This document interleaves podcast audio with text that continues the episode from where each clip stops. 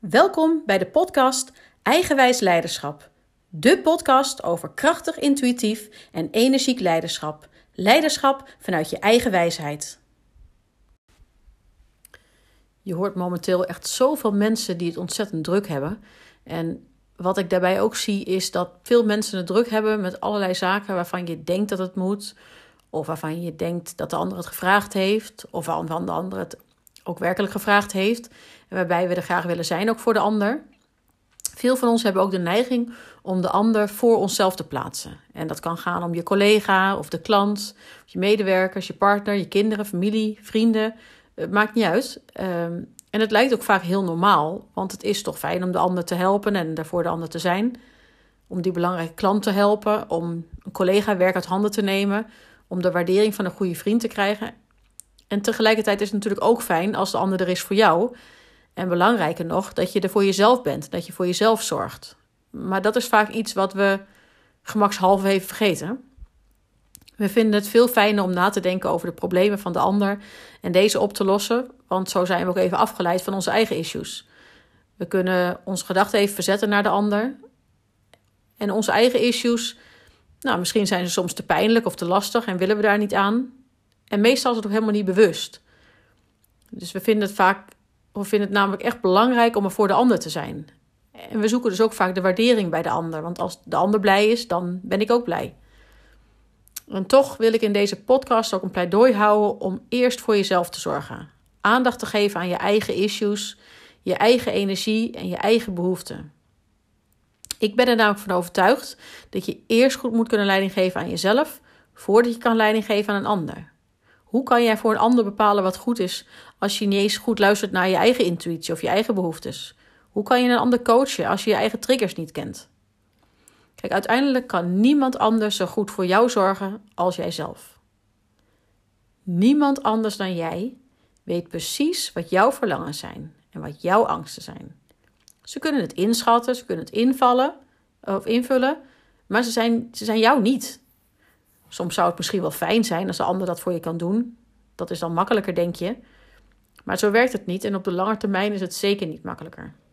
Want het gevaar is namelijk dat de ander, juist omdat hij of zij jou niet is, je dingen laat doen waar je helemaal geen zin in hebt. Of waardoor je, je over je eigen grenzen gaat en waar je geen energie van krijgt. En als je naar de issues van een ander kijkt, is het vaak een gevalletje uh, de beste stuurlui staan aan wal. Want van een afstandje kijken naar een situatie van een ander is vaak veel makkelijker. Dus misschien kan je daarom eens ook naar je eigen issues kijken van een afstandje. Weet je, leun eens achterover en bedenk welke grote of kleine issues er spelen in je leven. En neem echt eens de tijd. Volg je even je ademhaling, al is maar een paar minuten. Je kunt je terugtrekken op het toilet of zo, of weet ik veel, een plek waar je niet gestoord kan worden. We gunnen onszelf vaak ook niet de tijd om even achterover te leunen en op onszelf te reflecteren. Soms is dat de angst om naar binnen te kijken, maar ook heel vaak tijdgebrek. Tenminste, dat wil zeggen, we maken onszelf dan wijs dat het tijdgebrek is, want uiteindelijk gaat het natuurlijk over prioriteit. Tijd is prioriteit. Je hebt geen excuus om een paar minuten per dag even rust te pakken. Om een paar minuten per dag je even terug te trekken, om een paar minuten per dag te reflecteren. Je hebt altijd een paar minuten per dag. Maar wat er ook aan ten grondslag ligt, en wat ik vaak hoor, is: ja, maar hoe dan? Nou, dat is eigenlijk echt net zo simpel als ik het net zei. Volg je ademhaling. Door je ademhaling te volgen ben je in het hier en nu. Niet bij die moeilijke vergadering die je straks hebt. Niet bij de ellende die je vorige week op je hals kreeg. Nee, je bent alleen echt even in het moment. En dan kan je jezelf de vraag stellen: wat heb ik nu nodig? En dan even stil zijn. Wat heb ik nu nodig om meer balans te hebben? Of wat heb ik nu nodig om rust te voelen? Wat heb ik nu nodig om. Nou, uh, vul het maar in. En luister naar het antwoord wat zachtjes in je fluistert. Heel vaak weet je zelf nou best wat goed voor je is. Ook, we hebben niet voor niets vaak een onderbuikgevoel. Dat is datzelfde zachte stemmetje. Maar er zit ook vaak een stemmetje, en dat is vaak een stemmetje dat heel hard roept, dat je het niet moet doen, dat het niet goed is voor je, niet leuk, te spannend, te onzeker, dat je het niet kan. Ehm, dat stemmetje, wat ik zei, die, die praat vaak veel harder dan het stemmetje wat goed voor je is. Maar wat nou als dus niet dat heel hard roepende stemmetje de waarheid spreekt, maar juist dat zachte, fluisterende stemmetje. Dat zegt dat je het wel moet doen. Dat zegt dat het misschien wel spannend is, maar wel klopt. En dat het goed gaat komen. En dat juist jij de persoon bent om dit of dat te gaan oppakken. Het zachte stemmetje is vaak de stem van jouw intuïtie. Er is niemand die de waarheid zo goed kent als jij. Die jouw waarheid zo goed kent als jij. Die jouw gevoel zo goed kent, je intuïtie, je, ja, je innerlijke wijsheid. Dus durf te vertrouwen op jouw gevoel. Als jij durft te luisteren naar de kracht van jouw intuïtie, als jij gaat vertrouwen op jezelf, als jij gaat doen waar je blij van wordt, als jij gaat staan voor jouw waarden, als je de dingen gaat doen waar je energie van krijgt, als je durft te zeggen dat iets wel spannend is, maar dat je het toch doet, als je kan toegeven aan je moeheid als je dat voelt, als je jouw onzekerheid kan zien als een kritische nood en kan bedanken voor de waarschuwing. Hoe denk je dat je er dan kan zijn voor een ander?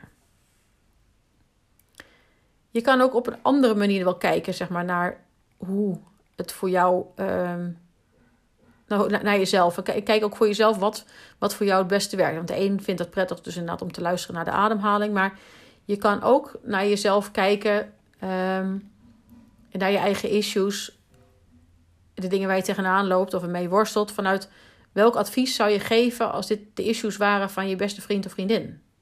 En kijk eens ook wat voor jou het beste werkt. En wat vandaag het beste werkt, hoeft natuurlijk niet ook morgen het beste te werken.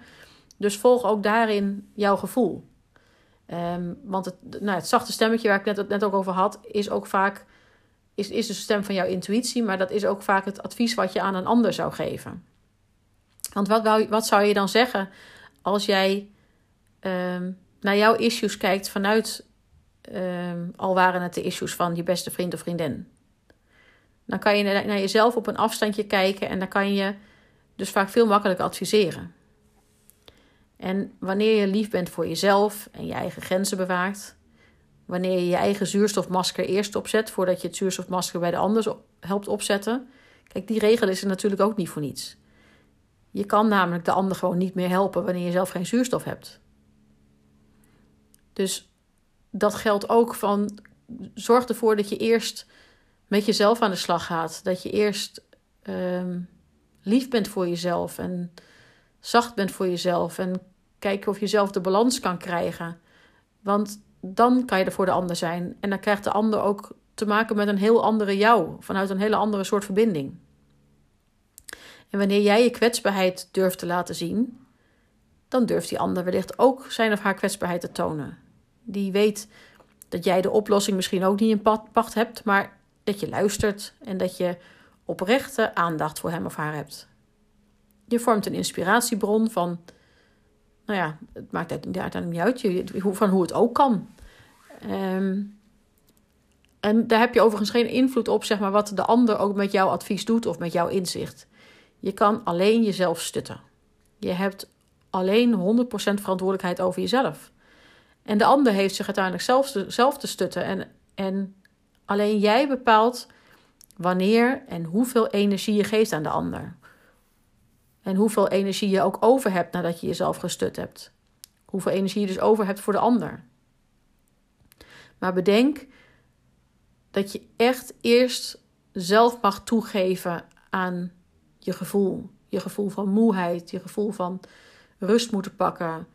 Weet je, volg de signalen van je lijf en ga ermee aan de slag. En um, verstil en kijk, kijk wat er dan bij jou boven komt. Dus nou ja, als je vandaag nog in het zonnetje zit, of uh, op de bank of in bed, ga eens achterover leunen en stel jezelf de vraag: wat heb ik nu nodig? Waar heb ik nu behoefte aan? En blijf dan stil. Wat zegt het zachte stemmetje? En wat is er voor nodig om naar dat zachte stemmetje te luisteren? Tijd? Ruimte? Zelfliefde? Wat heb je nodig? En kom dan in actie en ga er dan wat mee doen.